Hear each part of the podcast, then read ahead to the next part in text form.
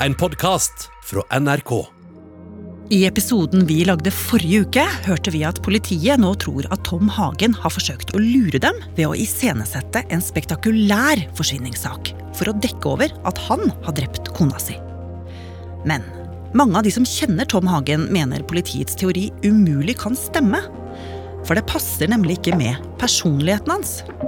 Så hva er det med denne sky milliardæren på 70 år som gjør at folk mener han er uskyldig?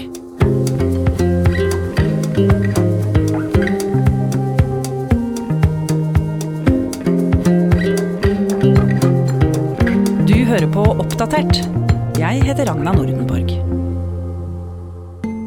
Flere av de vi har snakka med, klarer ikke helt å følge logikken i det som nå virker som det er politiets hovedhypotese. Dennis Ravndal er journalist i NRK Nyheter og har jobbet med Hagen-saken over lang tid. Og For å forstå hvorfor de sier dette, så må vi se litt nærmere på, på Tom Hagen. eh, Hvem han er, og hvordan han ble en av Norges rikeste menn. Og den historien begynner på Hadeland på 1950-tallet. Og der eh, ble Tom Hagen født i en stor familie av 13 søsken. Som familie som ikke hadde veldig mye penger. Og de som kjenner Tom Hagen eh, fra den tida, de beskriver han som en helt eh, vanlig ung gutt på bygda i Hadeland. Flink på skolen. Og han begynner da på, på det som eh, den gang het Gjøvik tekniske fagskole. Der han utdanner seg til ingeniør, eller fagskoleingeniør, da, som det het den gangen. Og han treffer da mm, Anne-Elisabeth, og de gifter seg tidlig. Eh, De er bare 19 eh, år gamle. Og, Tom Hagen han eh, jobber da som ingeniør. På helt vanlig måte, sånn som de fleste gjør. Og driver et firma og leier ut, eller selger tjenestene sine. da. Og så har han da fortalt i et intervju med Kapital for noen år siden at på et tidspunkt så, så skjønte han at, at han satt og, og henta inn noen hundretusener her og der, mens de han jobba for, de sopa inn millioner. Eh, og hvorfor skulle ikke han nå kunne gjøre det? For han syntes at han hadde noen gode systemer for eh, eiendomsdrift, og tenkte at hvorfor kan ikke jeg sope inn disse millionene sjøl? Og det er jo akkurat det han gjør. Han tar med seg kona, flytter til Lørenskog, bygger dette huset, som vi jo ser i avisen hver eneste dag, og setter i gang med eiendomsdrift og business sjøl. Ja, han begynner å bli ganske rik. Rikere enn det du og jeg er, i hvert fall, Ragna. Eh, og han uh, kjøper opp eiendom. Han uh, samarbeider med andre som eier eiendom der, om hvordan de skal utvikle det. og begynner å, å på en måte legge fundamentet og planene for det eiendomsimperiet han, han etter hvert sitter på. De som har jobbet tett med han, og som eh, kjenner han, eh, flere av de har jo dere som jobber mye med krim i NRK snakka med. Hva forteller de om han? Altså, det er jo ikke hvem som helst som klarer å få til dette her. de som kjenner Tom Hagen godt, de forteller om en fyr som er utrolig analytisk og utrolig detaljfokusert. Mikromanager alt som er av detaljer i alle prosjekter han går inn på. Har du eksempler på det? Ja, et eksempel som har blitt nevnt for meg er, la oss si at det er et eiendomsprosjekt, da, og, og det skal hentes inn anbud. Da ser Tom Hagen på ok, hva er det som skal inn i dette anbudet? Jo, det er noe eh, rørleggerting, det er noe snekkerting, det er noe eh, VVS-ting. Da, da setter han seg ned, og så finner han ut alt han kan om dette. Og så går han liksom ned på detaljnivå. Ok, men hvis vi eh, går ned to kvalitetsgrader på, på de røra, så kan vi jo eh, barbere av 223 000 kroner og 60 øre på, på dette anbudet. Det, det, er på, det er på det nivået. Og så har han jo da etter hvert begynt å få barn, dette er jo på 80-tallet, um, og lever et tilsynelatende ganske vanlig familieliv, eller? Ja, eh, de som kjenner dem fra denne tida, og for så vidt frem til nå, sier jo det.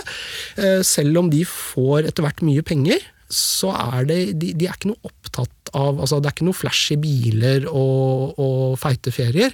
Eh, De lever et helt normalt, vanlig liv, og du kan ikke gå forbi dette huset i Sloraveien og tenke at her bor en mangemillionær. Nei.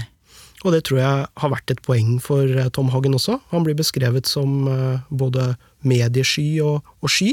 Han har rett og slett brukt ganske mye krefter på å holde en anonym tilværelse. Men så dukker det opp noe i 1987 som får en del til å stusse, i alle fall sånn i etterkant. En ekteskapspakt. Ja, og det denne ektepakten sier, er at ved en skilsmisse så har eh, Lisbeth kun krav på 200 000 kroner, en hyttetomt og en gammel Citroën.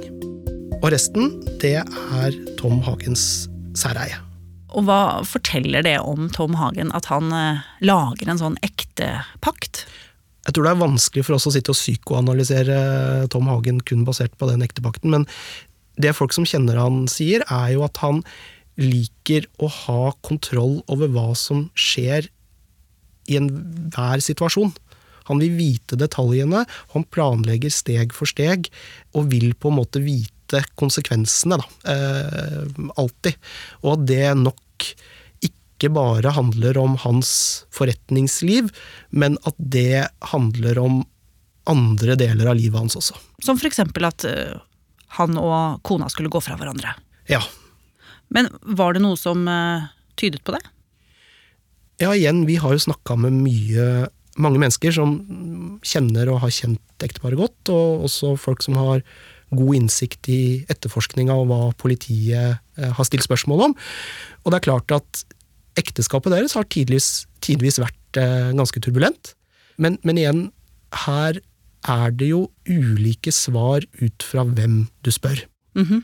Men det er i hvert fall et faktum at de har holdt sammen fra de eh, traff hverandre på, på 60-tallet, og da nesten 50 år fram til den dagen Anne-Elisabeth Hagen forsvant. Politiet ber om tips etter forsvinningen til Anne-Elisabeth Folkevik Hagen på Fjellhamar utenfor Oslo. 68-åringen er gift med en av Norges rikeste. Kvinnen forsvant i høst, men politiet har ikke gått ut offentlig før nå. Det sier politiinspektør Tommy Brøske. Vi ber om personer som har vært i dette området onsdag 31.10. på morgenen eller tidlig formiddag, dagene i forveien, eller som går tur i dette området regelmessig, om å melde seg til politiet. Vi minner om at dagen onsdag 31. oktober var halloween, og at mange kanskje kan huske dagen pga. dette. Og da Anne-Elisabeth Hagen forsvinner, så ligger det igjen et trusselbrev i huset deres. Og det er svært detaljert, og det er svært teknisk. Det beskriver hvordan Tom Hagen skal betale løsepenger i en digital valuta som heter Monero, og hvordan han underveis skal kunne kommunisere med kidnapperne gjennom beskjeder sendt i en annen kryptovaluta. Kan du forklare det litt nærmere?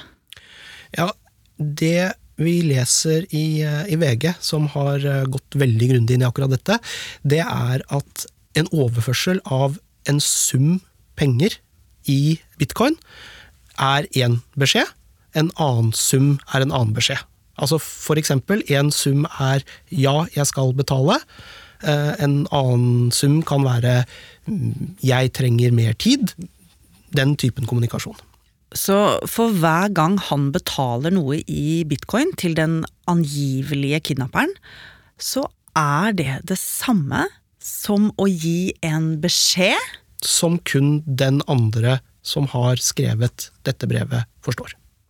Og dette her mener jo politiet da bare egentlig er tull og tøys, på den måten at dette er en avledningsmanøver for å villede politiet. Men likevel, Dennis, noen må jo ha satt opp dette her og kommet på ideen. Og forsvareren hans mener at det kan ikke være Tom Hagen. Hvorfor ikke det? Hans forsvarer Svein Holden mener eh, at det er litt sannsynlig. Eh, jeg, vi har jo prata med han, eh, og, og, han peker på hvor lite um, digital Tom Hagen er, hvis vi kan si det sånn. Mm -hmm. han sier at uh, Tom Hagen han har en, uh, ikke noe smarttelefon, han har en sånn gammeldags Nokia-murstein. Og på glasset på den mursteinen så står PIN-koden hans rissa inn. Ja. Han sliter med SMS, det er han ikke noe god på. Eh, han har ikke noe problem med å lese e-post, men hvis det ligger et vedlegg ved den e-posten, så sier forsvareren hans at da må han få en av de som jobber for han, til å skrive ut det vedlegget og gi det til han på papir. For ellers så klarer han ikke å få det med seg. Og i det hele tatt, dette er en 70 år gammel mann, eh, som er omtrent der 70-åringer flest er når det kommer til ny teknologi. Og så er det et annet moment, og det er hvis vi da går ut fra at han har fått hjelp, eller kjøpt hjelp av noen, til å gjennomføre dette. Ja, For han trenger jo ikke å ha gjort dette selv. Nei, jeg tror ut fra det bevisbildet som ligger der nå, så kan vi si at han har ikke gjort det selv. For han har alibi for det tidspunktet kona hans forsvant. Og han måtte jo da også ha kommunisert mer eller mindre med seg selv underveis. Og gitt seg ut for å være kidnapper. Det tror jeg ikke politiet tror noe på.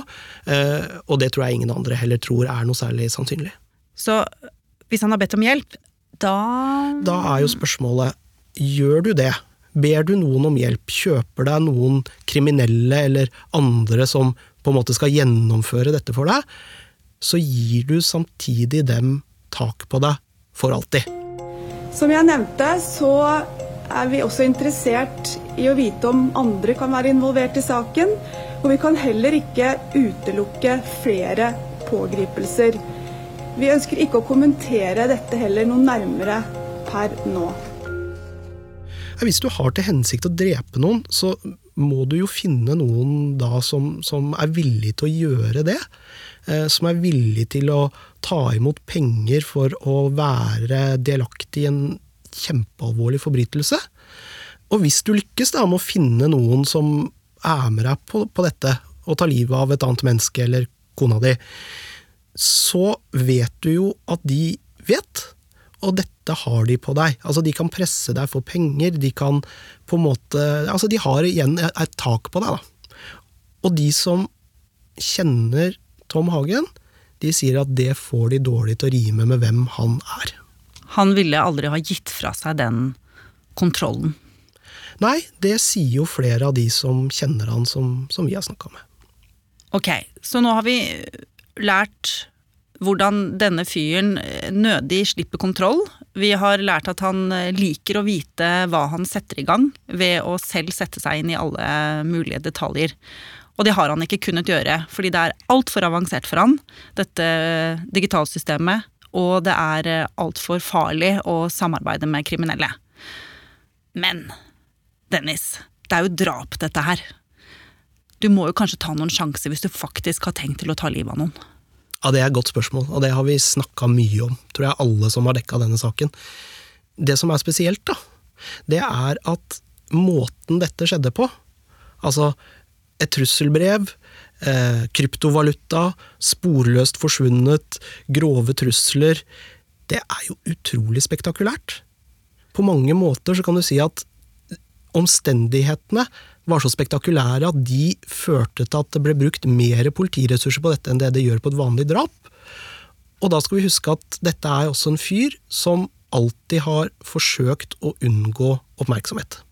Så det er for mye drama i denne avledningsmanøveren, hvis det er det der, til at det er han som står bak.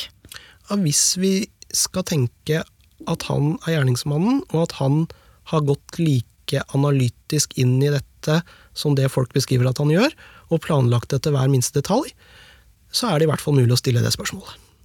Um, Dennis, etter å ha sittet og hørt på deg nå, så er jeg egentlig ganske i stuss. Fordi i går så hadde jo jeg en helt annen forståelse av saken. At uh, politiet mener at det er uh, veldig god grunn til å tenke at det er skjellig mistanke til at det er han som står bak. Og nå sitter du egentlig og forteller meg at ifølge profilen hans, så er det ikke han? Ja, nå har vi hatt mange lange tankespor her, eh, Ragna, men det er litt viktig òg. Fordi at i en sak som dette, som det skrives så mye om, så er det vår jobb i pressen å forsøke å se begge sider. Og den siden som har kommet tydeligst frem så langt, det er jo politiets. Og da skal vi også huske at her er det en svært grundig politietterforskning som ligger bak, hvor de har funnet det de mener er sterke nok bevis for å sikte Tom Hagen for drap eller medvirkning til drap, og de har også fått en dommer i tingretten med på at det er det. Altså skjellig grunn til mistanke, mer enn 50% sannsynlig at Tom Hagen er gjerningsmannen, eller en av dem. Og vi kommer helt sikkert til å få vite mer om hva disse bevisene er i tiden som kommer, og muligheten til å analysere det mer på egen hånd. Og så er det det siste, da. Det er et langt stykke frem til en eventuell rettssak. For da må politiet være helt overbevist om at bevisene mot Tom Hagen er sterke nok. Altså, det må være hevet over enhver rimelig tvil, er det det står i loven. Og jurister pleier å si at da er vi på 95-100% sikkerhet. Og det er et godt stykke frem dit. Og det fikk vi jo et lite innblikk i nå, Dennis. Hvor lett det er å så tvil om skyldspørsmålet når det ikke fins håndfaste bevis. Ja, det kan du godt si. Eh, Og det er jo nettopp det en politietterforskning og etter hvert en rettssak da handler om. Det handler jo om å finne bevis som taler i den ene eller den andre retningen, og komme til at enten er man skyldig, eller så er man uskyldig.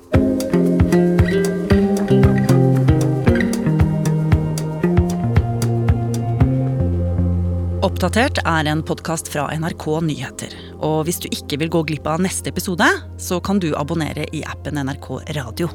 Bare søk på Oppdatert, så finner du oss. Denne episoden var laget av Ida Tune Øritsland, Petter Sommer og meg, Ragna Nordenborg. Vil du kontakte oss, gjør det på oppdatert krøllalfa nrk.no. Du har hørt en podkast fra NRK. Hør flere podkaster og din favorittkanal i appen NRK Radio.